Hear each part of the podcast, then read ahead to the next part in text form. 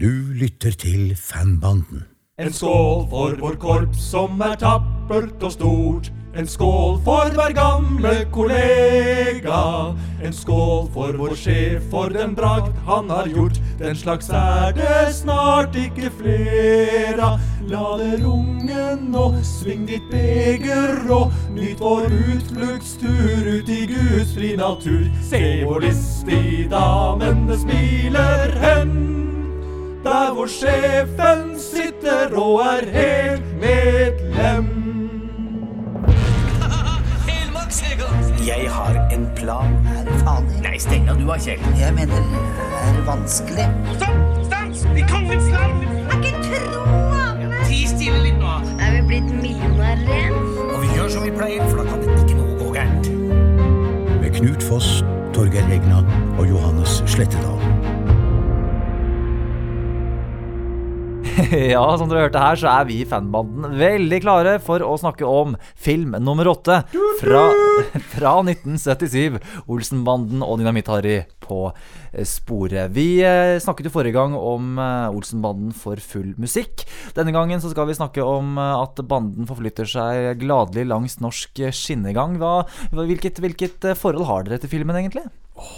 Nå er det jo søndagen vi slipper episodene på, og dette er en deilig søndagsfilm. Absolutt. Skikkelig bedagelig, deilig film å se på, og nydelig musikk, og eh, toget som, eh, som ruller av, gårde. Det er noe vakkert med det, altså. Ja, dette er definitivt en av mine favorittfilmer i serien. Ja, ja, ja, samme her. Ja, vi gleder oss, og vi gleder oss. Og for de av dere som ikke har eh, denne filmen sånn helt uh, langt framme i pannelappen og vil ha en liten oppfriskning, så tenkte jeg at du, Knut, du skulle få lov til å ta lytterne våre inn i handlingen til film nummer åtte. Vi møter Olsenbanden i Spania denne gangen, der de lever det gode liv som millionærer. Vi er rike. Vi betaler ikke skatt. Vi er lykkelige. Kan dere ikke få det inn i huene deres? Men en mistenkelig dansk brande rapper til seg millionene og lurer Egon inn bak murene igjen. Hold fingeren vekk fra den kofferten! Stopp tjuven! Kjell og Benny! Egon kommer ut hevnlysten fra botsen med mål om å få tilbake millionene som nå er blitt til gullbare, i en godsvogn. Og den er bygd av Frans Jeger i Berlin. Å, gamle, gode Frans! Dermed bærer det gjennom Oslo med tog. Men ikke alt går på skinner. Nå er det ærlig talt nesten at livet av oss, Egon. Det er umulig! Jeg har pugga alt sammen utenat. Det stemmer ikke med ruteplan. Filmen byr på mye skinnegang i godt vær. En sangglad Hermansen og Dynamitt-Harry er tilbake. Jeg bor her siden mitt gamle skur ble ekspropriert. Pang!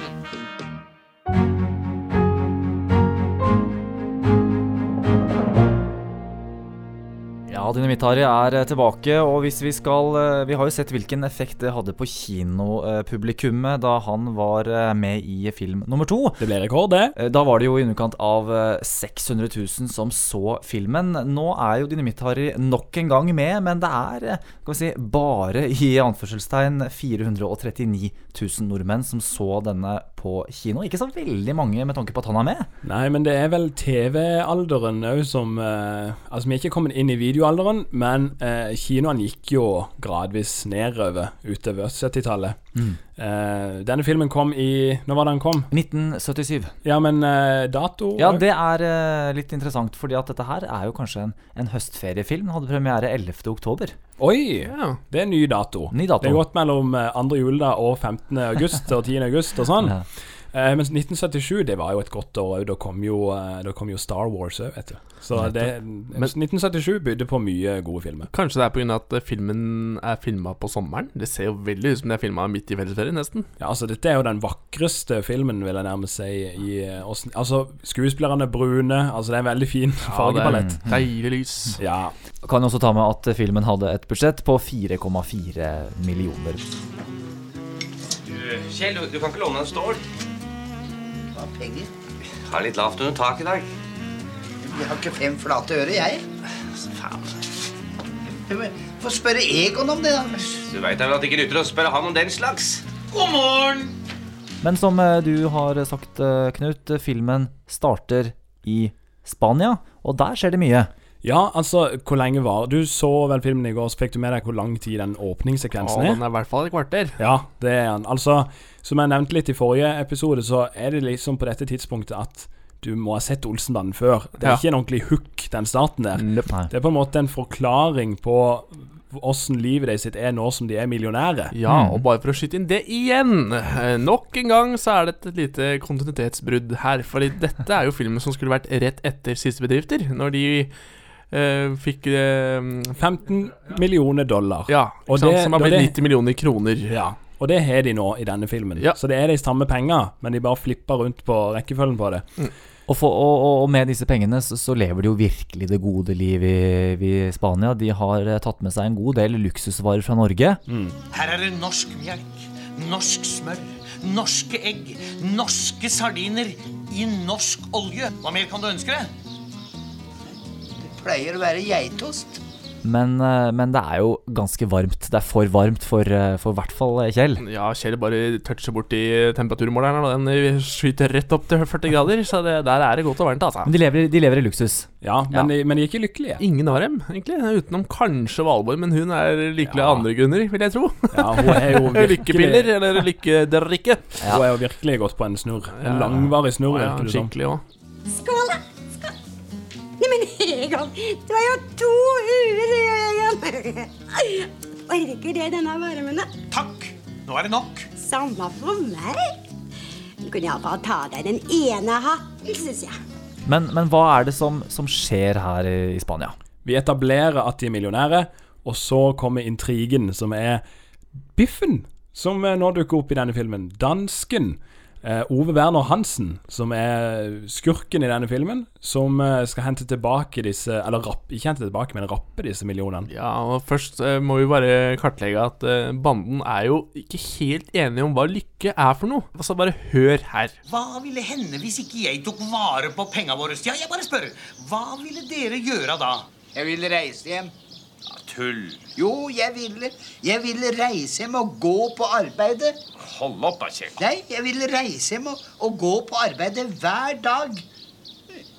I regnvær. Kjell og Benny er jo ikke storfornøyd. Nei, de er ikke det. Kjell skulle gjerne vært på jobb, han. I, i regnvær, helst. og Benny han trenger litt pessitasser, men han får ikke ei krone fra Egon. For han eh, har nesten gått inn i en slags onkel Skrue-rolle. Ja, han har det, og, og det viser jo at eh, de har oppnådd målet, men det er jo ikke der de skal være. Altså, Du får ikke den eh, følelsen at, av glede før eh, de er samla igjen tilbake i Oslo Ja. med mål om å skaffe penger. Det er litt sånn samme som eh, i Olsenbanden eh, og Dynamitt-Harry, når eh, liksom før de liksom har vært på den ølhallen og sånne ting. Drivkraften til banden når gjengen er millionærer, den, den opprettholdes ikke. De, de, de klarer liksom ikke å samkjøre. Nei. Du skulle tro at eh, når Olsenbanden er på sitt lykkeligste, det er når de jakter på pengene. Ja. Det er nesten det. Og Det sånn da- er det vel kanskje med selve livet også. Ja, kanskje det. Ja, altså jeg kan jo bare snakke for meg selv. Jeg har jo jaktet på kostymer etter Olsenmannen i mange år. Det er sånn Når man gjerne har fått tak i en gjenstand, så, så står den på hylla. Men det er jo jakten på om det der finnes. Ja. Det er det som er spennende. Det er det som er drivkraften. Absolutt. Det er mye gøyere å kjøpe lottokuponger enn å vinne Lotto. Det, Nei, Jeg vet ikke om jeg er helt enig med deg der, Torgeir, men, eh, men eh, ja. Vi, vi eh, har jo en eh, solid kilde som har vært eh, viktig for oss gjennom hele prosessen, nemlig Tom Madsen. Ja. Og, og da vi så denne filmen her, og har sett den veldig mange ganger, så tar jo vi alt det vi ser, for god fisk. Men Tom Madsen har fortalt oss gjennom mange av sine bilder historier som vi ble veldig overrasket over da vi hørte dem. Ja. Hvilke historier er det vi snakker om her? Nei, eh, tilsynelatende så er jo hele gjengen nede i, i Spania, eller Malaga, da, som det egentlig var. Ja. Det var stedet de filmet. Ehm, og det vi har funnet ut eh, ved å se bakombilder, er jo at Aud Schønemann ikke var med ned til Malaga. hun var opptatt med noe revy eller et eller annet sånt. Helt sikkert, eller noe Fleksnes, kanskje. Jeg Ja, vet kan ikke. godt være. Eh, Men i hvert fall så måtte Veslemøy Fosseré være stand-in for Aud Schønemann. Det vil si at Aud Schønemann bilder, de er skutt i Keisers gate. Ja, så alle bildene du ser med Aud Schønemann, det er ikke fra Spania. Nei. Og legg merke til at alle de bildene du ser som angivelig er Aud Schønemann i filmen, de, de, De er skutt bakfra. de er skutt bakfra. Ja.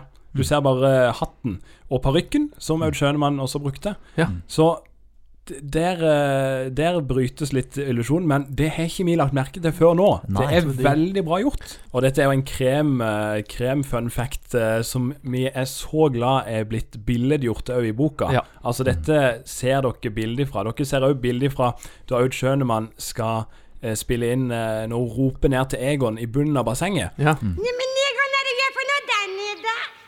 Ungene, eller? Hold opp på røret og få tak i en stega! Det bildet hvor du ser Aud Schønemann, Ja. da, det er heller ikke fra Spania. da Det er fra et tak like ved huset til Knut Bovim. Ja, og der la jeg merke til når jeg så filmen, at eh, hvis man tenker litt over denne historien her, og ser det shotet opp fra bassenget, liksom, så ser du faktisk en pipe som Ja. stikker opp bak eh, Valborg der. Og, det, og da kan man tenke på Å ja, det er et tak, ja, kanskje, for det er jo rart det skulle stått en pipe rett oppafor. Rart ikke, eh, rart ikke tenke på, det- tenkte på det. Jeg har aldri tenkt på det før. Men eh, som sagt, i boka så blir jo masse bilder fra dette oppholdet publisert, Ja. og det virka jo som de hadde det veldig fint, da. Han var Zürich.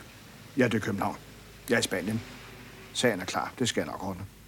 Jeg vet lige præcis hvordan.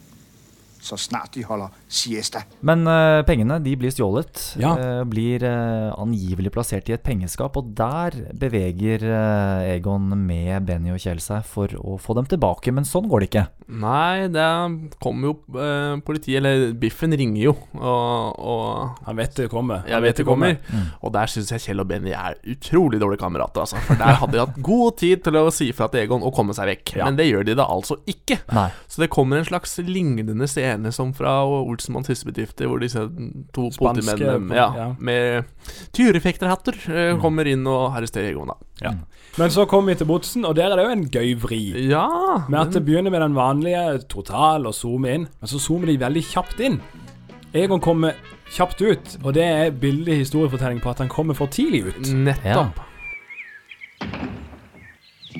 Og han eh, går jo tvers av veien og passerer eh, eh, Tjæreborg, som er et tydelig produktplassering i denne denne Ja, filmen. der, der da, er du inne på noe, for dette her er jo Olsenbanden på sitt eh, beste. De livnærte seg nettopp av å kunne få, eh, få penger fra ja. Og, og jeg vet ikke hvor mye penger de fikk heller for, eh, for uh, den plasseringa, men de fikk reise gratis Ja. med, med Ja. utstyr og sånn til eh, Malaga for å Det er jo penger spart der. Det Ja. er pengespart. mm.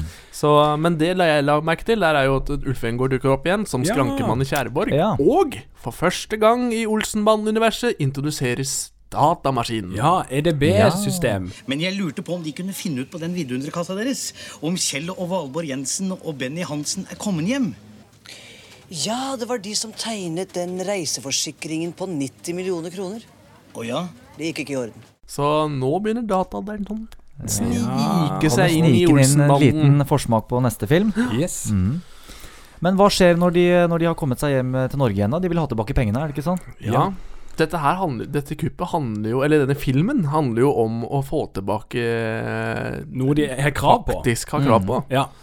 Eh, og, og, eh, og det blir jo introdusert allerede i åpninga at de som er Altså, Biffen er jo skurken, men han er egentlig en henchman for det store, skumle selskapet. Multiscan. Multiscan. Ja. Syns i hvert fall, Egon, at, at, du, at du kunne snakka med de der folka i det der firmaet. Ikke tale om! Vi skal ikke ha noe med dem og det multinasjonale fanteriet deres å gjøre. Det er like før de går konkurs. Alle prosjektene deres holder på å stoppe opp. De mangler kapital og gjør hva som helst for å få tak i penger. De prøver bare å lure penga fra oss. Som vi aldri får se bakmannen til, Nei. eller noe sånt. Det gjør de danske, faktisk. Da, oh, ja. da er det en bakmann han, som, Det er jo noen scener hvor han ringer. Ja. Og da har de noen scener hvor de snakker med sånn sjefen Oh, sjæl. Og det er jo ofte han som spiller alle bakmennene. Jeg husker ikke hva han Bjørn Watt Bolls, Ja, et eller Bjørn annet. Watt Bolsen. Yeah. Yeah, Skidgard. Yeah. Så, eh, men, men i Norge så Og det syns jeg funker fint. Ja. Du trenger ikke den bakmannen, eh, for da måtte han eh, fått en lærepenge òg, og det får han ikke i denne filmen nødvendigvis. Så det funker. Ja, jeg, så, jeg, jeg så jo den filmen i går, og det som slo meg, det er at sommeren 77 den må ha vært en varm sommer, ettersom det er sol i absolutt alle bilder. Ja, det er det. Tilsynelatende, i hvert fall. Før vi gikk i opptak, eh, Torgeir, så, snak, så, så hadde du sagt at du hadde gjort et lite, lite research på om denne sommeren virkelig var en sånn eh, rekordsommer. Ja, jeg måtte Oi. sjekke, rett og slett. Og Yr kunne melde fra historisk tilbake i tid at uh, sommeren 76 og Nei, 75 og 76 det, det var sånne Det var jo somre som var kalde, fordi Ja. da hadde det danna seg et eh, lavtrykk eller høytrykk eller eller- hva. Så da kom liksom sommeren for fullt, da. Ja, denne I 1977. Ja. Og det går jo opp med de tidligere Ja, derav grå filmer fra Veldig grå. Wow. Selv om de er skutt på vinteren, vil jeg merke. I hvert fall Ja, sant det. Men uh, Egon kommer jo uh, ja, Etter å ha vært hos Kjæreborg, så drar han jo hjem til Avalborg. Ja, og, Ja. det, og da har du snudd litt fra de to siste filmene med at Valborg er ikke interessert. Nei, men også uh, Det er én ting. Eh, de har også flytta. De flytta! De bor i et annet hus. Ja. Fortsatt på Kampen, da, vil jeg merke. Ja. Jeg husker ikke helt eh, nøyaktig hvor det er. Ja, er det ikke egentlig rett over veien? da? Ja, det er kanskje det. Ja, jeg lurer på det. Men så har de fått en nabo. Dynamitt-Harry er tilbake. Harry, hva i svarte gjør du her? Jeg bor her. Jeg bor her siden mitt gamle skur ble ekspropriert. Pang! Men han eh, er jo tilsynelatende dritings eh, i det første bildet. Men han, vi ser jo han aldri ta en supp fra øl. konsumerer, eller- nei, konsumerer ikke.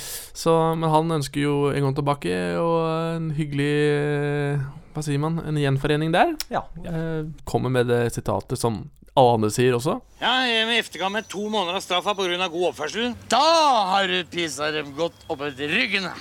Ja, du har vel pissa inspektøren opp etter ryggen, da vel? Har jo pissa dem godt oppover ryggen, da vel. Ti stille! Hvor er det Valborg? Jeg må snakke med Men Dynamitt-Harry er jo inne i Valborgs plan her. For Ja. det som er hos sitt prosjekt, det er at de skal flytte til Åh, hvor er det de skal flytte Bygdøy. til? Bygdøy. Rett Ja. ved Kongsgården. Ja, ikke sant. Og Dynamitt-Harry skal være med, og de skal, hun har en plan om det. Men eh, det er vel det finansielle det står igjen på, da. Fordi at hun, hun har jo tatt saken i egne hender, mens Egon har vært inne, så hun har vært hos Hermansen og prøvd å få oppklart denne saken. Og det er en veldig fornøyelig scene. Jeg Syns jeg har vært veldig tålmodig. Det er bare det at jeg må ha penga onsdag i neste uke. Onsdag i neste uke? Ja. Og hvis det er sånn at ikke Pode klarer å skaffe alle 90 millionene sånn med en gang, så kunne vi iallfall få et lite forskudd. Par millioner, eksempel. Et par millioner? Ja. Eller tre. Jo, vi, vi sier tre, vi. De, de, de, de, de må jo ha blitt aldeles riv rav ruskende gal. Hold! Og dette er jo første gangen Hermansen og Valborg spiller mot hverandre også i serien. Stemmer De hadde møtt hverandre, de, eh, som jeg kan huske. Ja, ja. Og Hermansen er tilbake i sitt vante lynne. Ja, han han, er god i den filmen her, altså. Ja, dette er den beste filmen eh, hans, syns jeg. Ja. der har vi Det jeg liker da med at han, at han, eh, han er ikke på jakt etter storforbryterne, men han, han har sitt eget prosjekt da, med å stige i gradene i politiet ved å være leder for Ut i det blå-komiteen, Ja, ja. som er sommerutflukten til politiet. Det har etter mange års iherdige bestrebelser lykkes meg å bli formann i Ut i det blå-komiteen. Det er noe som teller det. En vellykket utflukt, det blir lagt merke til det. Han har fått en ny eh, kompanjong også. Ja. Øyvind Blunk er ja. i rollen som Holm. Øyvind Blunk introduseres for første gang i Olsenbanden og øh, gjør en fin jobb. Han. Ja. han, han tar jo virkelig jobben seriøst, da, i motsetning til Hermansen. Holm, de må skaffe hatter og neser. Ja, Men jeg har noen spørsmål her angående saken. Saken, hvilken sak? Det med de 90 millionene, fru Jensen. Men herregud, Holm, jeg har sagt at jeg vil ikke høre et ord mer om den saken. Men Jeg vil jo bare ha tillatelse til å foreta noen supplerende undersøkelser. Hermansen og Holm er introdusert. Pengene som Valborg har hatt lyst til å få tilbake gjennom samtaler med Hermansen, eh, har hun jo ikke fått tilbake, for de er jo vekslet inn i gullbarer og, i, og befinner seg i filmens store MacGuffin, nemlig denne Frans Jæger-vognen. Yes. Og skal vi snakke litt om den nå? Ja, vi må vel nesten det. Hva kan vi si om eh, vogna? Eh, ja. Stilig. Ja, veldig kul. Eh, Glinsende. ja, glinsende grønn og lignende. Det er jo klassisk eh, Frans Jæger-design, kan Oh, vi yes. si. Mm. Eh, Denne er jo da òg henta fra den danske filmen Mhm. eh, og, og blitt frakta over til Norge. Mm. Det som er litt gøy, er at eh, det er kun to av fire sider av den som er malt. Oi, oi, oi. Så du ser bare to sider av den. eh, altså altså langsida og kortsida. fire, altså? Kanskje tre Jo, det må jo være tre. Ja, være jeg tre. tror du ser begge ender, Ja, men det er ikke baksida. Men ikke baksida. Men, men, men si meg hvilket materiale er det de kan ha brukt? For det virker jo som at hvis du skal liksom bank-bank på, på vogna, så virker det som at det er godt blikk. Men er det bare malt? Er alt uh, Det er noe type blikkgreier, for det, er, det, er ikke, det er ikke, kan ikke være tre. Det Nei, der, nei. Det skinner veldig fint. Ja. Det, det er veldig kul rekvisitt. Og jeg fikk eh, nettopp med meg at i Danmark nå så skal de gjenskape denne vogna. ja. De holder på å bygge den opp igjen. Ja. Altså, i Danmark så er jo Olsenmannen Flåklypa ganger 14. Ja. Altså 14 Ja, det er kultur- eh, kulturhistorie og kulturarv, ja. Så de har jo både gjenreist eh, De har jo gjenreist en sånn, en, sånn et togtårn som hadde en sentral rolle i den danske versjonen av, av denne filmen. Og nå skal de lage og gjenskape den godsvogna, da. Så det er, det er absolutt eh, mye sysselsetting rundt eh, Olsenmann i Danmark nå. Statue også. Men uh, Benny og Kjell de, er, de har jo, mens Egon har sittet inne For de har jo ikke forventa at han kommer ut ennå. For han har jo kommet to måneder for tidlig. Eh, og de har jo skaffa seg uh, biinntekter på finurlig vis. Uh, han Benny han selger jo latter på boks. Ja, det er den samme de bruker i fjernsynet. Hermetisk latter, den største oppfinnelse siden dampmaskinen. Og Kjell han, eh, han spiller litt mer invalid. han står i en bakgate med et eh, trebein og lapp for øyet. Og den lirkassemusikken du hører her, det er jo fra film nummer to. Ja, den hører vi i Ja. bakgrunnen. Uh, hvor er det vi hører Det, det er rundt Det er noe- Hermansen og, ja, Basse. og Basse. Ja. Mor, mor, en stygg mann med Ja. seimen. Det er den scenen der. Da ruller den i bakgrunnen. Ja. Så det, det er litt sånn gjenbruk der. Eh, og det var vel i samme film eh, vi forrige gang så Kjell i en bakgård eh, prøve å tjene penger. Ja, nå har han slutta å synge. Nå har han slutta å synge. Han gitt opp det. Jeg veit at penga våre fremdeles er her i landet.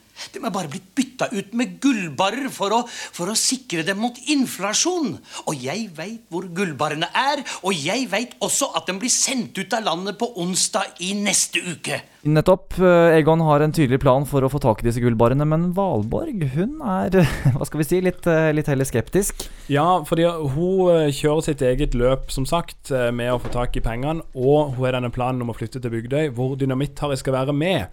Og hun, hun lander vel på at det er vel og bra med denne planen, Egon, men du må få overtalt Harry til å være med på dette her. Mm. Og at han må skjerpe seg og bli velstelt og slutte med den der smellinga si. Mm. Og da får du en scene mellom Dynamitt-Harry og Egon nede i bakgården. Litt lignende den Kjell og Basse hadde i Ja, forrige film. Mhm. Der de, eh, eh, der, eh, En de alvorsprat. En alvorsprat. Med samme musikk faktisk òg når de oh, ja. går ut. Ja, ok. Det Eh, er sant. Ja, og der er det en liten uh, Dette er litt annerledes enn den danske. Nei, ærlig talt, Harry. Jeg begynner å bli enig med Valborg. Du begynner å gå for langt nå. Det er farlig, jeg også. Men det er ikke smellet hun er redd for. Hun vil bare dresse meg opp. Ja, ja, ja, men skjønner du ikke det, Harry? At hvis du skal flytte sammen med de andre, ja, så, så må du gjøre som han Valborg vil. Det betyr veldig mye for henne, det. Ja, ja, Det betyr veldig mye for oss alle sammen. Ja, for i den danske, da er det jo eh, Basse. Ja, for han er ikke gifta seg på dette tidspunktet. For Nei, det er flipp. Ja, Det er ikke sant der. Og, og Basse han er, har langt hår, og, og Valborg er litt sånn redd for at uh, det ikke skal bli folk av han, på en Ja. måte.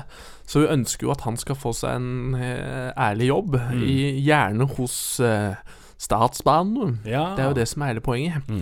Nå, har hun også vært lenge med deg? Hva? Om håret. Synes du ikke, det er like langt nok? Jeg kan like det sådan. Det er noget pjat med ØK. Man skal også være student og sådan noget. Og jeg har ikke en skid lyst. Det betyder meget for din mor. Hmm. Det betyder meget for os alle sammen. Eh, Så det er jo egentlig en scene mellom Basse og Egon i utgangspunktet i originalmanus, da. Men her er det skifta ut med Dynamitt-Harry. Så Dynamitt-Harry er egentlig ikke med i den danske? Han er aldri mer med han i Nei. de danske filmene. Her har de trukket fram Harald Eide Steen fordi han mest sannsynlig selger bedre enn Boll Johansen. Nei da, det er ikke det, men uh, Hvor mange filmer eh, Hvor mange danske filmer var det de brukte Dynamitt-Harry? To. To filmer, ja. Ja. Til motsetning, eh, I motsetning til Norge, som brukte Seks. Seks, ja. Ikke Så, mm. Så han, dukker, han kommer til å dukke opp stadig skrevet inn i manuset. ja, fra denne filmen her og uh, framover så er han jo med i flere filmer.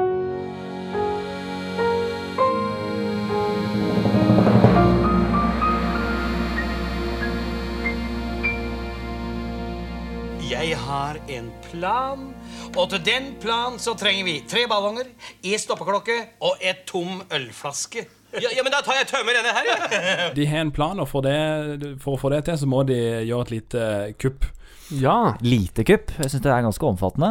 Olsenmannen kupper spillindustrien. Ja. Retten og sletten. Og Jon Berle er tilbake som gangster, noe som han også var i Olsenmannen og Dynamitt-Harry. Ja, og bussjåfør i den sjette. Ja, ja, ja, nettopp. Og jeg liker energien hans i den filmen her. Altså. Han er ordentlig med og Ja. spiller ordentlig gangster. Kult ja. kupp. Ja, det er et kult kupp, altså. Også det, men de åpningsbildene der med, med bingohallene, var det så sinnssykt mye mange bingohaller? Det tror jeg var big business på den tiden, altså. Bingo! ja. Firmaet driver automatbingo i Oslo og omegn. Innehaveren av firmaet sitter inne for tida. Og imens så passes butikken av hans høyre hånd og livvakt Mario, som er bevæpna og farlig for sine omgivelser. Hver ettermiddag så tømmer han bingoautomaten rundt i hele byen. Og når han er ferdig, har han ca. 10 000 kroner i veska. Dem rapper vi. Den stripa der, det må jo være liksom sånn Oslos Las Vegas. Men, men, men kuppet, det er, det er genialt. Det er, det er kort. Det er ikke sånn kjempestort, men det er genialt. Og, det Hele tre- og, og vi trenger det på det tidspunktet i filmen. For fram til nå så har det ikke skjedd noe sånn kupp og ulovligheter. Du hadde det lille skapet Mm. i, i Spania. Men det, det er perfekt plassert. Mm. Jeg liker veldig godt der han er plassert òg i filmen. Men når de kommer hjem til Valborg, så er ikke hun akkurat over seg av begeistring. Hva er dette for noe? 50-øringer. Ja, men skal vi med det, da? Hva er Egons plan? Hvor- Ærlig talt, Egon. Når har jeg forsøkt å forklare deg hvor mye det er som står på spill, og så kommer du med 50-øringer! Og det setter jo Egon ut litt, grann, og han blir veldig nedfor. Og da kommer det en veldig fin scene i bilen, syns jeg. Hvor eh, eh, eh, kameratskapet til Olsenmannen virkelig viser sin eh, Ja, viser, viser seg i all sin prakt. Ja, Ja. og så kommer Kjell med den fantastiske kommentaren. Det er du som er genial, Egon. Og vi står sammen. Ja.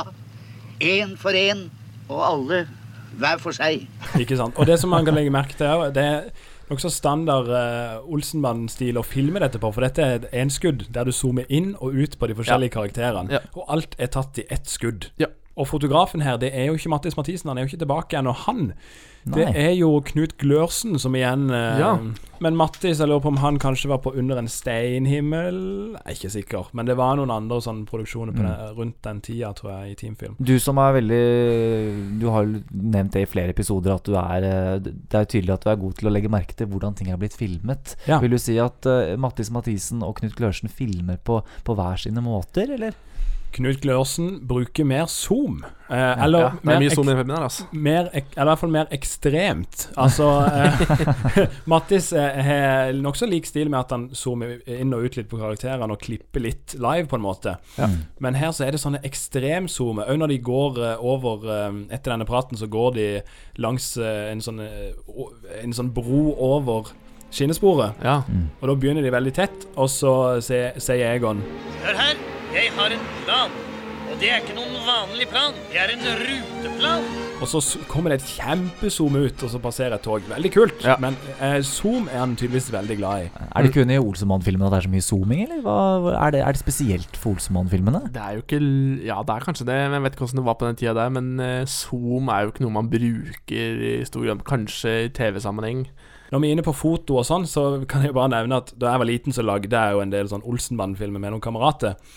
Og det, noe av det som gjorde at jeg kunne gjøre det, var jo fordi jeg skjønte åssen Olsenbanden ble Mm. filma og lagd. Det var mulig å gjenskape det, på en måte. sant. Så da jeg var åtte-ti år, så skjønte jeg OK, du zoomer inn på det på, Du starter med botsen, du zoomer inn. Mm. Du, altså, det er veldig basic og veldig stødig lagd, da. Ehm, det er det. Du trenger bare kamera og stativ. Ja. så har du, kan du lage en Olsenmann-film Ja. på egen hånd og litt eh, dynamitt. Ja, ikke sant? Men over til, eh, til plan. Da henter vi vogna klokka 6.15, kjører til Grorud og venter på persontoget PT 3714 til Hamar 648. Da ligger sporskiftet sånn at vi fortsetter inn på spor 12, videre inn i blokk 14. Der venter vi på godstoget fra Grefsen, GT 4711 klokka 7.22. Når det er passert, ligger sporskiftet sånn at vi kan fortsette rett ned på havneområdet, og derfra er det håndskift resten av veien. Og eh, ja, han har pugget ruteplanen klar for et eh, meget eh, solid kupp eh, langs norsk skinnegang. Og det er, det er, det er, det er, et, det er et komplisert kupp, altså. Ja, det er komplisert kupp, og det må ha vært utrolig komplisert å lage denne filmen her. Vi har jo kommet over dokumenter tidligere der vi ser at de har snakket med første film der de, Ja. de har de fått filme på Kløna, da. Ja. Kløna stasjon. Men, men, men dessverre har vi ikke fått fått noen dokumenter her, men jeg skulle gjerne likt å sett eh, kommunikasjonen med NSB. Det er jo en Og- kjempereklame for NSB. De, de roser jo NSB opp i skyene. Ja. Om det er satire, eller om de var nokså gode på tida før i tida, det vet jeg ikke. Men altså, han sier jo ting som Det finnes absolutt ikke noe sted hvor det er så gjennomtenkt som hos Statsbanene. Alt går etter klokka. Alt er tima og tilrettelagt. Det har vært en stor fornøyelse. Og nå har jo dette her blitt historisk, ettersom NSB har blitt til Vy. Ja. Så NSB fins jo ikke lenger, på en Nei, måte. nei. Så nå kan du se litt historisk perspektiv. Så hvis du også. hører denne podkasten her om 20 år, så var det altså NSB vi snakket Ja. om, som var Vy i dag. Ja. men, eh, men Men ja, det er eh, kompliserte ja. greier, altså. Det er, dette er, en, det, det er jo noe som jeg tenker òg at det er den største bragden i, i produksjonen til teamfilm. Ja. Av Olsenmann-filmene. Altså, Absolutt. eh, forrige film, for full musikk, er jo veldig fin, og sånn men de henter mye fra det danske. Mm. Her er det nærmest helnorsk og veldig komplisert og veldig stor produksjon for å få dette til å gå opp. Ja. og for full musikk ble jo filma veldig mye eh, interiørt, I altså studio. i studio. Ja. Mens her er de på location, og, Mm. og ikke hvilken som helst location heller. De er midt i Oslo-gryta, Ja. blant folk som skal jobbe, tog som skal gå kontant. Men skal, vi skal kanskje tro at de har fått låne noen avsidesliggende spor? At ikke de har Mm. fått de mest uh, trafikkerte? Det har jeg lest eller Ja. hørt et sted, at, eh, at de, De- brukte mye sidespor. Altså. De, og de henger mye rundt eh, Det kan være å bomme litt, men sånn i nærheten av Theisen og Ulven og sånn. De Ja, det henger gjør de. mye på de spora der. Og så er det en del nede på foran Ekeberg-skrenten der, altså. Ja. Mm. Og så har de en passering da gjennom eh, forbi rådhuset. Vi er tilbake langs Vippetangen-området der, ja. Det Jeg lenger ut i filmen, da. Mm. Ja, det er lenger ut i filmen. Men eh, når vi var inne på det, så ja, de, det er imponerende produksjon. Ja, For å komme seg langs eh, skinnene, så er de jo nødt for å få tak i litt mer sånn eh, klær som gjør dem eh, ikke så veldig lett synlige. De, de eh, skaffer seg jo et eh, knaggebrett. Er det et pent knaggebrett? Ja, ja. Jeg har malt det sjøl. Det er jo en veldig lett sak, det. Det er jo bare å henge opp det knagge- knaggebrettet, så har de jo det med en gang, og skaffer seg et look. Ja. Ja. Som er en slags um, Ja, hva er det heter kanskje sånt eh, Det kalles en traktor? Traktor, er det ja. noe sånt? traktor, ja. Okay. ja. Jeg lurer på om det er i, norsk, i Norge, eller om det er når jeg har hørt om den danske, om det kalles en gris. Uh, men uh, da kommer vi jo inn på første kjøresekvens, som vi blir introdusert for musikken. Ja! Ja. Altså Denne filmen har jo et eget sånn soundtrack som er helt eh, Den er fantastisk. Ja, og Bent Fabricius. Bjerre har jo uh, komponert mye av det, men han har lånt uh, mye av den togmusikken. Eh, blant annet av eh, en polkamusikk som heter Britta Polka av Hans Christian Lundby. Ja. Og han er kjent som Norden Strauss, Ja vel, ja. ja. Så de er inne okay. på en sånn her klassisk, eh, klassisk side nå, med Ja. i forrige film med Elverhøy, og nå er det Britta Polka. Vi var ikke helt ferdig med musikken. Nei. Men det er, men det, det scenene blir altså Det er godt vær, det er, eh, det er NSB Mm. det, er, det blir nesten litt sånn nasjon, nasjonalromantisk Ja, på en annen merkelig Ja, måte. så ser du Oslo, og så er det Ja, den er fin, altså. Og så kommer det jo til eh, Når de skal hente den der vogna, så kommer det jo en skuespiller opp som eh, ikke har vært med Ortmann før. Ja. Nettopp. Arnold Petersheim. Yes. Nettopp. Nei, dette skjønner jeg ikke. Eh, Formannen sa han skulle være med sjøl, men uh, han kom ikke før om en time. Dette har vi nærmest ikke tid til. Det er nødt til å være en misforståelse. Statsbannene begår aldri noen misforståelse. Hva kan vi si om han, karer? Han jobba vel i, eh, på Det Norske Teatret, har jeg hørt. At, eh, og han ble Ja, men skuespillerne i Olsenmannen jobba jo også der. Ja. Mm. Og han ble bare hyra inn for å gjøre Jeg tror ikke han var skuespiller. Jeg mener at han jobba i administrasjonen der, faktisk. Ja. Ja, nettopp. Så han bare Ja ja, hvorfor ikke? Og så ble jeg med og tok noen små roller, da. Og da har han jo den klassiske ta av seg hatten og klø seg litt i huet. Ja, og det vil vi se i senere filmer òg, så det er litt gøy. det er det vi hans kommer tilbake til det. signatur, han- det. Ja, det blir nærmest det. Men før eh, banden får nærme seg vogna, skal vi da egentlig gå gjennom litt av eh, rollene vi, vi møter i filmen? Ja.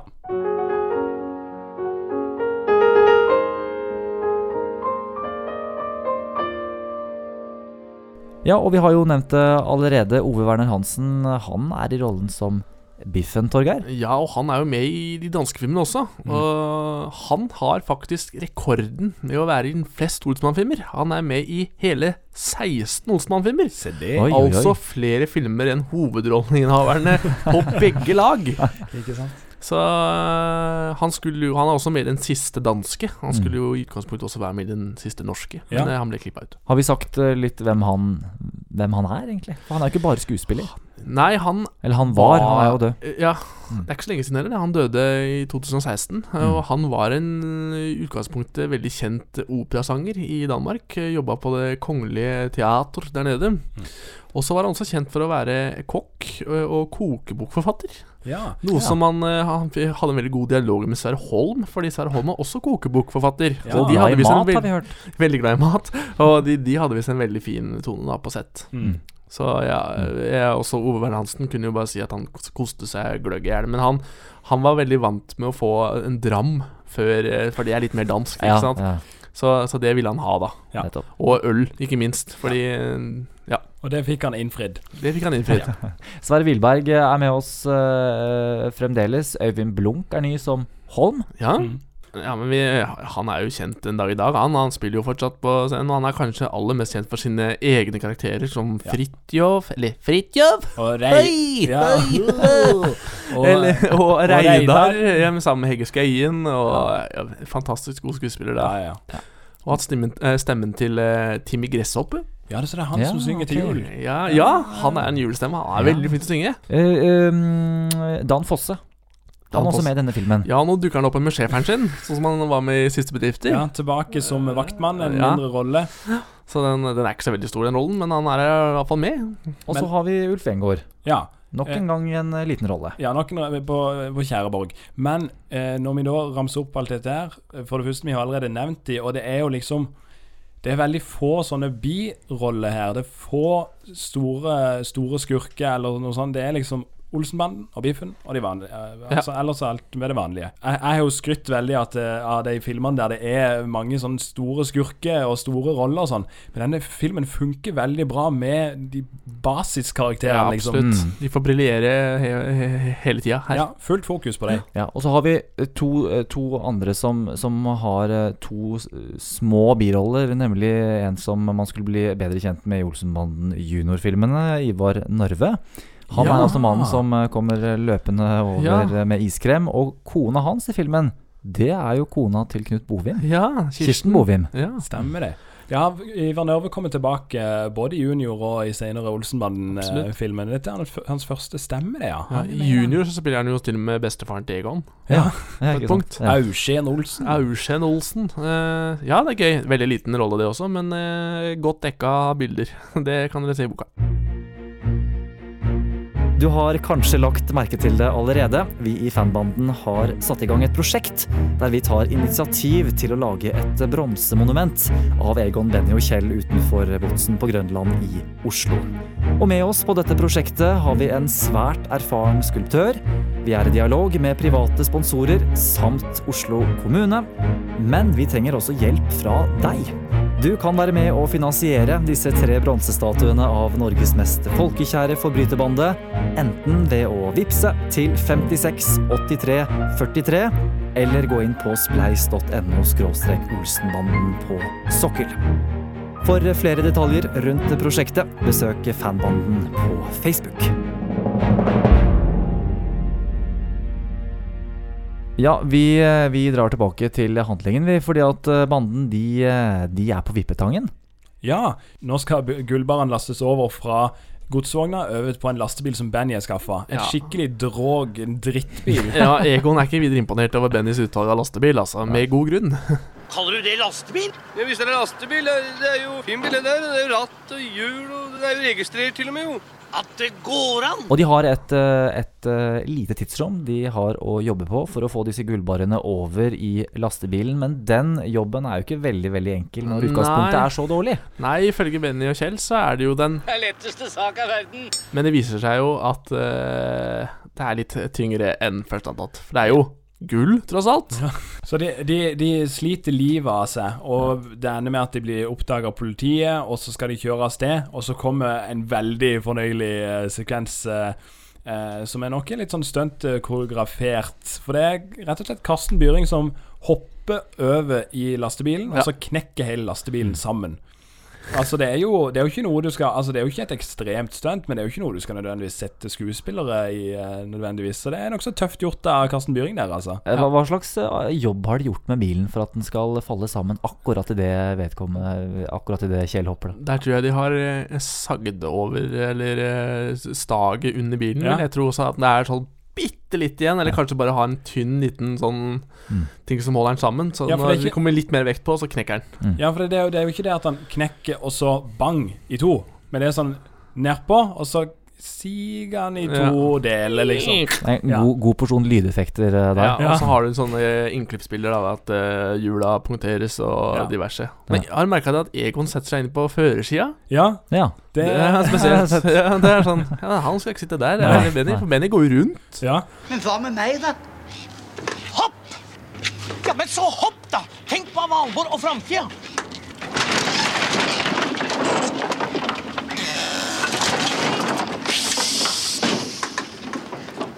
Nei, nei, nei! Alle sier om padeigklumper er du den største! Det var du som sa hopp.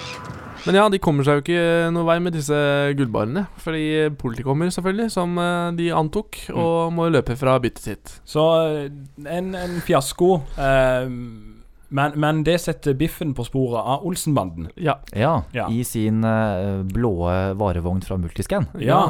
Og den bilen, der har vi nå en artig fun fact. Men før, ja. det, da, Knut, så, så, så er det en litt gøyal scene hjemme hos Valborg og Kjell igjen, hvor Benny har slått beinet sitt, og Kjell er stiv i ryggen, som Og da kommer det en fantastisk kommentar fra Benny. Bilen var helt topp, den! Du kan da for faen ikke få hva som helst for en pose av 50-åringer! Hadde ikke vært for at Kjell hadde vært så feit. Nei, dette vil jeg ikke finne meg i. Her har jeg slitt og jobba som et pakkesel og ødelagt ryggen min.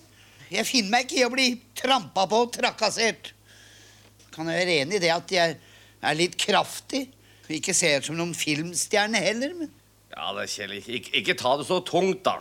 Tungt! Så, åh, jeg syns det er godt manus, altså. Det er godt manus. Altså, De er så, de er så på, skuespillerne. Energien der er så god. Altså Og- Her, for min del, tenker jeg det piker i engasjementet de sitt i rollene sine. Mm. eh, På en måte Det, det stagnerer litt eh, etter hvert i Ja, serien, liksom. Og det- dette er en peak, syns jeg. Men eh, Egon han eh, ser ut til å kjøre solo, fordi at han har ikke lyst til å la disse gullbarene gå. Og finner jo panservogna, Mm. og der finner Biffen også Egon. Og da, for første gang i filmserien, så får vi se at Egon blir dunka i huet med en fastnøkkel. Ja. Ja. Det har vi ikke sett tidligere, men det blir jo en sånn slags gag eh, utover, da. Ja, en gjenganger. Ja, og han tar en snurr. Veldig, veldig sånn tegneserieaktig Ja, er eh, måte å falle på. Så han blir jo plassert i ei kasse og spikra igjen og levert til eh, sentralen, da. Og da får vi høre en kjent stemme i den, eh, i den eh, postboksen, holdt jeg på å si. Han som eh, er i kassa i, i vareleveringa der. Nå, og hvor skal denne her hen, da? Australia. Nei, det har vi ikke tid til. Vi skal stenge nå. Det haster ikke. Det er jo stemmen til Knut Bovim, men det er jo ikke Knut Bovim som sitter der. Det er jo Lasse Tomter. Ja, det Ja, er det. nettopp. Ja, Så der, der er det sikkert skjedd noe med lyden, da, tenker jeg. Ja, ø, og, men det har vi jo snakka litt om. Jeg vet ikke om vi skal inn på det nå. Men altså, Knut Bovim har jo mange stemmer i Olsenbanden. Og det er mye gjengangere i stemmebruken når det gjelder til dubbing og den slags. Så min teori der, det er jo at filmene hadde etterarbeid i København. I København er det veldig få nordmenn som kan ø, Ja, steppe i hvert fall da. Ja, nei, men altså da Og de hadde dårlig tid også. Dårlig tid, så jeg tipper eh, Altså mange av de dubbingstemmene er Knut Bovim og Klipper og Ja. sånn Mm. som stepper inn og tar de stemmene. Fordi at de kan ikke få inn skuespillere bare for den jobben. Nei. Og for dere som kanskje ikke vet hvem Lasse Tomter er, så spilte han jo sjeiken i Olsenmanns siste bedrifter, blant annet. Og så er det han som kjører trøkk i Olsenmannen gir seg aldri. Han Ja. som kjører med Kermit. Ja. Men uh, Egon han er plassert i kassen. Han skal til Australia. Ja. uh, da har eh, plutselig Benny og Kjell uh, kommet til utsetning og er på laget til Egon. De har Ja. lyst til å få han ut av kassa. Det klarer de. Ja, men, men, men måten de finner ut hvor han er, er jo at de plutselig da hører Lateboksen! Da må det være en Egon! Som jo er interessant. Altså, eh, litt tidligere så tar Egon den fra Benny og legger den i frakkelomma. Ja. Men eh, den store boksen der tror jeg ikke er plass i dressjakka til Arve Oppsal eh, videre fram til det punktet. I hvert fall ikke til- uten å være synlig. Nei, Nei. Så det er en liten frihet eh, de tar seg der. Men jeg syns det, det funker. Han blir plassert på toppen av alle kassene. Ja. Eh, og det, det er en seanse hvor eh, han beveger på seg, og kassa detter ned. Dette er jo klipp henta fra den danske. Ja. Ja, For der ser du klistremerker sånn som ikke er på boksen. Ja.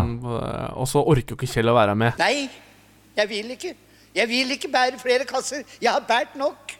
Men Kjell, er jo Egon. Ja, det får ikke hjelpe. Ja, fordi Kjell har vondt i ryggen, og da må Benny løse det på egen måte og unnskylder seg for å dytte Egon bortover. Og den kassa er utrolig merkverdig lett å manøvrere. Ja. Med tanke på at det er en eh, 90 kilos eh, eldre herremann inni der. Eller så er det en skjult brande eh, bak eh, kostymet til Sverre Holm. Ja, ja, kanskje det. Kanskje det er Ove Vern Hansen med bart. Og da er de samla igjen, og da skal de få tilbake gullbaren en gang for alle. De skal ikke få det over i, eh, på en lastebil, de skal kjøre det hele veien til lys... eh, Nei, lampefabrikken. Ja, ja Lysaker. Lysaker. Ja. Eh, og da trenger Egon eh, hjelp fra Harry. Ja. Eh, og nå har jo Harry skifta total Han har totalrenovert seg, med andre ord. Han har, hørt, han har hørt på Egon. Han har hørt på Egon, Ja. og jeg tenkte at det der passer jo egentlig ganske fint med tanke på filmen som kommer etterpå. Da da er han jo blitt data-Harry og blitt eh, enda mer velstelt. En ekte samfunnsborger, ja, det jo- dog en amerikansk Så det, borger. gir jo, det kan gi mening, da, at han Mm. har skifta litt beite her og Mm. nå. Så en eh, ufrivillig fint frampek der. Ja. Hva i all verden? Hva er det du ser ut, da? Skal du audiens på Slottet, eller? Nei, det var jo Egon som sa at jeg Hva? skulle Var det du som sa det? Hva, jeg? Ja, vi, vi var jo enige om det, og dessuten Valborg forlangte, og, og så skal du jo ha lue. Kom med lua. På tross av latter og sjikane, så er Dynamitt-Harry fortsatt eh, med oss. Og han får i oppgave å stoppe lyssignal, eller endre lyssignalene for Ja. Olsenbanden. Det er hans viktige oppgave her. Men der blir han jo stoppa opp av Willy Hoel, som er tilbake. Yeah, Og nå har han slutta som brannmann. Nå har han blitt uh, linjemann. Med uniform. Altså når vi er inne på Det Altså det er jo mye Ja. sånn her uniformsfolk Ja, i. Olsenbanden generelt. Ja, det det. Og ifølge, ifølge IMDb så heter han Brodersen i, i, i filmen. Ja, men det, det er fra den danske. Fordi at den karakteren Å, har en større rolle i den danske. Ja. Og da, da heter han Brodersen. Så bra. Det er der de henta det fra. Det er Ok, Han er de sier jo ikke det i det norske. Nei, nei, nei. De har som sedvanlig fullstendig rett, herr Brodersen, og nå er kaffen klar. Og med den dialogen mellom Dynamitt-Harry og Willy Hoel, der tror jeg Harald Eide Steen virkelig fikk improvisere. Jeg tror det er mye impro... Tror dere ikke det? Jo, det høres ikke ut som det er manus, i hvert fall. Nei. Ikke at det gjør det ellers, men Nei, Han kommer med testplugger. eh, Ja. Noe Willy Hoel-karakteren absolutt ikke er helt sikker på om vil fungere. Men det er jo testplugger, tross alt, så vi må jo teste de. Og det går jo som det går. Du sa at plugga var kortslutningssikre, du. det er det!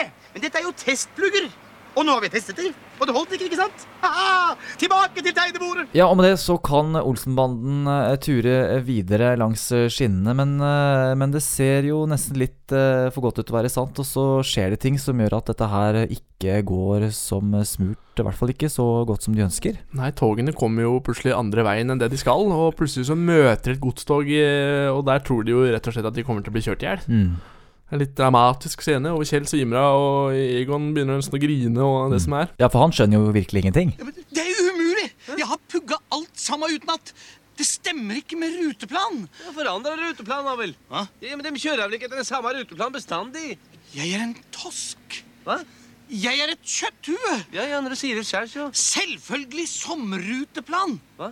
Ja, den trer i kraft i dag, og da er det ingenting som stemmer lenger. Ja, men hva gjør vi da, da? Da er det bare én ting å gjøre. Og da får vi jo en, en fin montasje der eh, Når jeg har sett den danske, så kryssklipper de litt mellom sånn danske klipp der de eh, Der eh, all trafikk er stoppa. Eh, Nokså gjenkjennelige bilder hvis du bor i Oslo òg. Ja, ja, absolutt. dag i dag så hender jo det òg.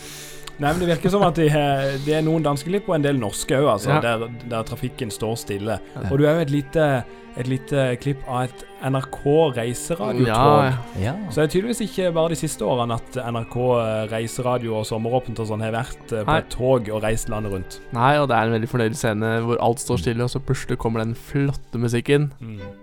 Og, jeg, og Olsenmannen kjører forbi, og alle bare ser Å! Olsenband. Men dere, når, når uh, Olsenmann passerer en bom, og det står en lastebil uh, og venter, så får vi et nærbilde av han som kjører lastebilen. Ja. Han er uvekslende lik Odd Nordstoga. jeg tenkte det kan ikke være han, men jeg fant ut at han var bare fem år da filmen ble spilt inn. Så okay, det er ok, nok en ja. dobbeltgjenger, altså. Ja, nå, nå begynner vi å gå langt ut i periferien.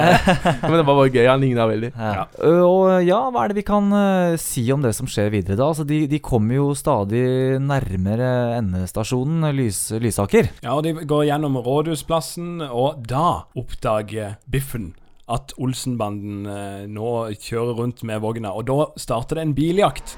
Og den bilen der, den får kjørt seg. Ja, den får kjørt seg. altså, det er heftig biljakt. Ja, den den er- virker jo som han holder på å velte i svingene. Altså, Ja. det Ja, er ja. godt eh, stuntarbeid. Jeg Ja. tror det var Trond Skjea, kanskje, som, eh, Ja, meget mulig, meget som mulig. var, var stand-in på det der. Ja, og Han plasserer seg midt i sporet da til syvende og sist og skal stoppe Olsenbanden. da Der er den igjen. Den tufsen. Hva gjør vi nå? For søren, Egon. Hva, hva gjør vi nå? da? Kjør på! Ja, og så sprenger Nei, eller så, så kommer Dynamitt-Harry, da. Ja. ja, Før vi går inn på det, Knut, så la jeg, jeg gikk liksom litt frame for frame akkurat eh, når toget kjører gjennom. For dette Du ser i, i nærbildet av Harrys tog som skytes gjennom vinduet på vanen til Biffen, Mm. så ser du at inventaret i vanen er borte. Det er bare plater. Så du ser Ikke er det ratt, og ikke er det seter. Det er, altså, alt er borte. Ja. Så da er det tydeligvis putta inn en slags eh, stand-in. Og ett sekund, altså et millisekund før toget treffer, så ser du at det kommer sprengladninger ut av bilen. Nei, gjør det det? Jo, det gjør det. Så der har de hatt litt pyroeffekter også, da. Ja, Det ser litt ut som at fronten og baksida er real deal. Liksom Ja. sånn, De har fått, Ja. de fått deler av bilen eh, bygd opp der, og så i midten så er det noe kryssfiner og litt Ja. forskjellig sånn. Mm. Men For vi, det, ja, for det sprenger godt. det sprenger godt. Artig, artig detalj. Men når vi snakker om denne bilen, altså her har vi jo, her har vi jo to interessante historier. Hvem av, hvem av dere har lyst til å dra dem, Knut? Du kan få starte. Ja, altså det første når vi var- inne på den eh, ødeleggelsen av den bilen Det kom et innlegg eh, i avisa, jeg tror det var i VG, Mm. rundt opptakstidene der, der det står at eh, et kamera har forsvunnet fra, opptak, eh, fra, fra eh, opptakene til Olsenbanden. Mhm. Eh, det viste seg å være et stills, bild, et stillskamera, som tydeligvis da tok bilde til lobbybilder og den slags. Mm. Og de ba, de ba på sine knær at de kunne få tilbake filmrullen, i hvert fall. Ja. Fordi at de opptakene kunne de ikke gjøre igjen. Det var jo med Ove Werner Hansen, og det Ja. var med ødeleggelsen av bilen og sånn. Det, vi fikk alle en oppfølgingssak der, men hvis vi ser gjennom lobbybildene, så er det ingen lobbybilde som er ifra den sekvensen. Nei, stemmer. Og en annen ting, det er jo at denne bilen, den, den Kan ikke du ta den? Som Ja, litt? den eh, I etterkant av filmen, filminnspillingen så ble jo denne bilen også stjålet og brukt i et reelt ran. Ja, den, den skal, vi skal ta og poste den, den saken på forumet, for den er veldig gøy. Ja, for der går jo Olsenmannen ut og erklærer seg selv som uskyldig. Denne gangen var det ikke Olsenmannen. Ja, nei, for det, det står sånn der Det er bilde av bilen, og så Olsenbanden-bil brukt i ran, og så bilde av Olsenbanden på sida. Olsenbanden erklærer seg uskyldig. Det var jo ikke bare hvilket som helst ran, det var jo faktisk et pengeskapsinnbrudd, ifølge VG. Ja, Det er gøy. det er gøy Det er veldig, veldig artig. Ja.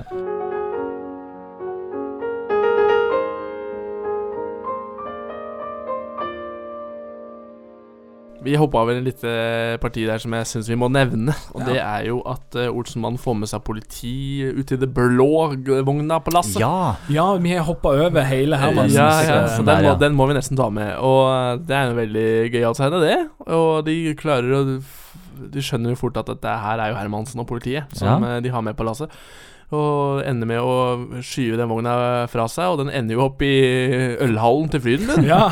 Et fint sted at en fest kan ende, egentlig. Ja, det er lykkelig slutt det for en sånn fest, vil jeg tro. Og der er det også en liten seanse hvor eh, politisjefen alias um, Wilfred Breistrand. Ja, Samme politisjef som i film nummer fem. Vi ser han jo på en måte ikke, da, for de har jo masker begge deler. Nei. Men de kjenner hverandre igjen ved, ved å se på hverandres uh, snurrebass. Yes. Som er sånn eh, det utypiske Olsenbanden og har litt underbuksehumor. Men Ja. eh, den er eh, fornøyelig, den, altså. Vi må nesten bare høre hvordan den sketsjen foregår. Hei på deg, gamle kallas! Vær meg vel. Sjefen, personlig, beklager så meget. Nei, er det den, Hermansen? Ja, dette er virkelig en fornøyelse, Hermansen. En utmerket utflukt. Et glimrende arrangement. Gleder meg at de syns det, sjef. Ja, Det får meg faktisk til å tenke på noe, Hermansen. Ja, De er jo bare kriminalbetjent. Ja, men Det må vi se å få gjort noe med. De er jo en fremragende mann for korpset, Hermansen. Takk, sjef.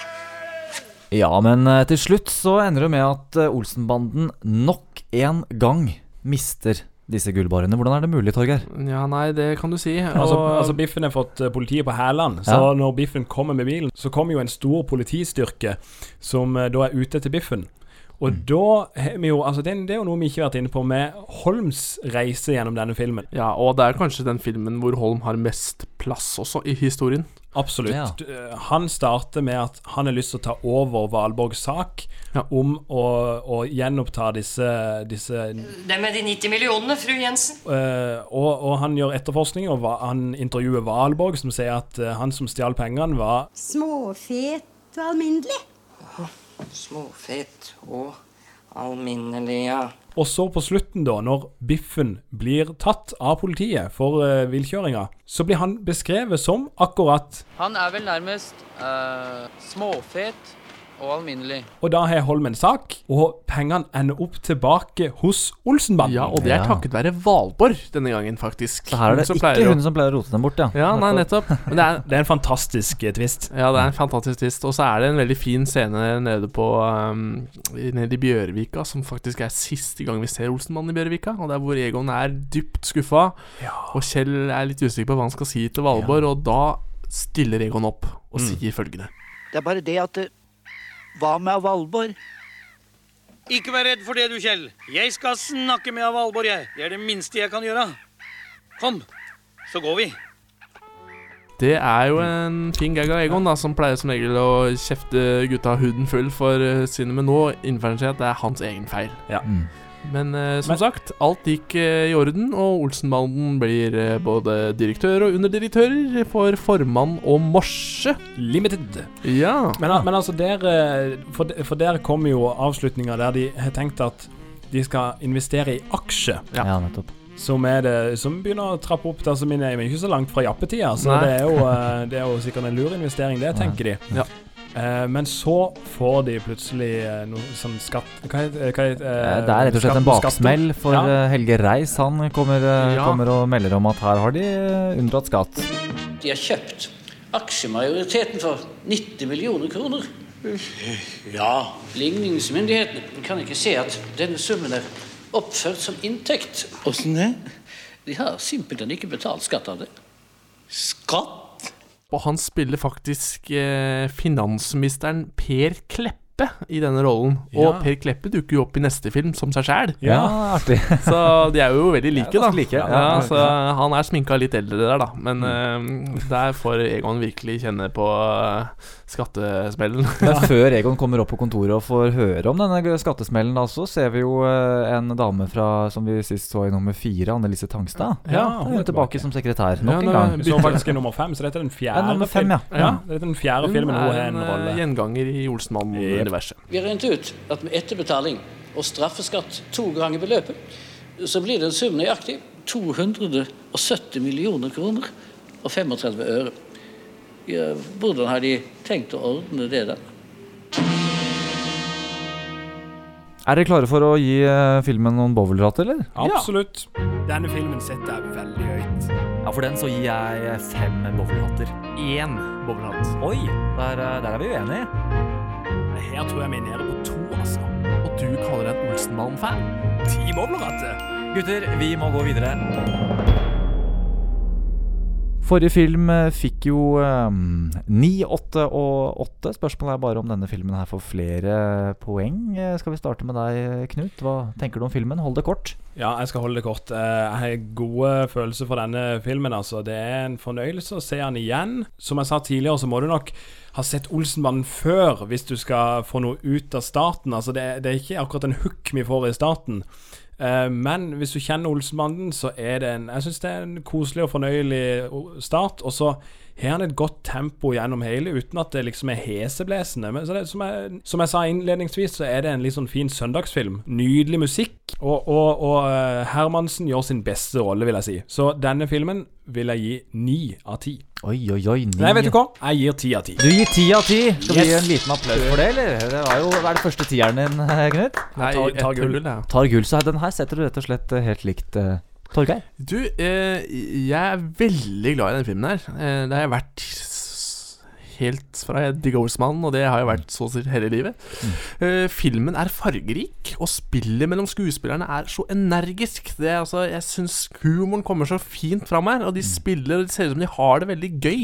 Produksjonen er, imponerer svært med hvordan de har fått til å filme så mye på jernbanen. Og det må ha vært et mareritt med logistikken til NSB. Det er jo helt eh, Men de har jobba seg godt rundt det. God musikk, som Knut sier. Elsker den musikken. Kjempefin. Historiene flettes godt sammen. Olsenmann lykkes en kort stund. Holm oppklarer saken. Hermansen berømmes for sin innsats i Ut blå. Og Biffen taper. Så dette her er helt klart en favoritt ved siden av Targull, så jeg gir også ti av ti bowlerhatter. Oi, oi, oi, en applaus for det også. Skal ikke bli applaus på den, dette her, men vi er i godlaget i dag. Nei, jeg, jeg er helt enig med dere. Dette her er en film som eh, Nå er det jeg som har dratt inn disse uttrykkene, da, Torgeir. Fargerik og fin. Den er fargerik. Det er, eh, det er høyt tempo. Jeg liker at de Det er det samme som eh, film nummer tre. De går utenfor det vanlige, den vanlige konteksten. De er et annet sted enn der de pleier å være. Det syns jeg er veldig spennende. Og så, og så er det så er det stort å se store rekvisitter som får så stor plass, og som, som eh, hele historien bygger seg rundt. Mm. Uh, spørsmålet er om jeg gir den like mange. Jeg må nesten tenke meg litt om. Jeg hadde jo egentlig bestemt hvilken karakter jeg skal gi på forhånd, men vet dere hva? Jeg gir ti av ti, jeg òg. Da blir det full, full pott. Nei, Du vi skal, vi, skal, vi, skal ikke, vi skal ikke lande der, for å si det sånn. Nei, men det ble full pott, det. Atter en god film fra Teamfilm.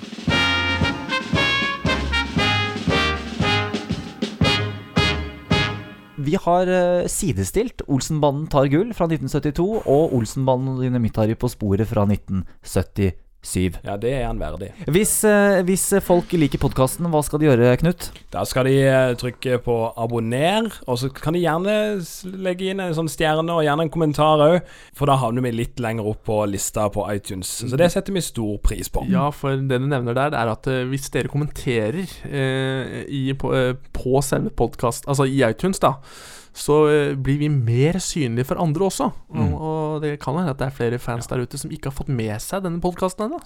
Ja, kan og da får vi spredd det glade budskap. Ja, det er jo tross alt i år Olsenmannen er 50 år. Eh, neste gang så er det film nummer ni vi skal snakke om. Da blir vi med i Olsenbanden på opptak på selveste 17. mai. Og vi blir med dem inn i Verdensbanken. Og hva er det snakk om nå, Egon?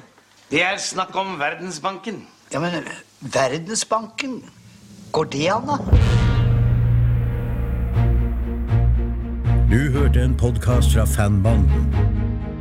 Vil du vite mer om Olsenbanden og hva som skjer i jubileumsåret 2019, følg oss på Instagram og Facebook.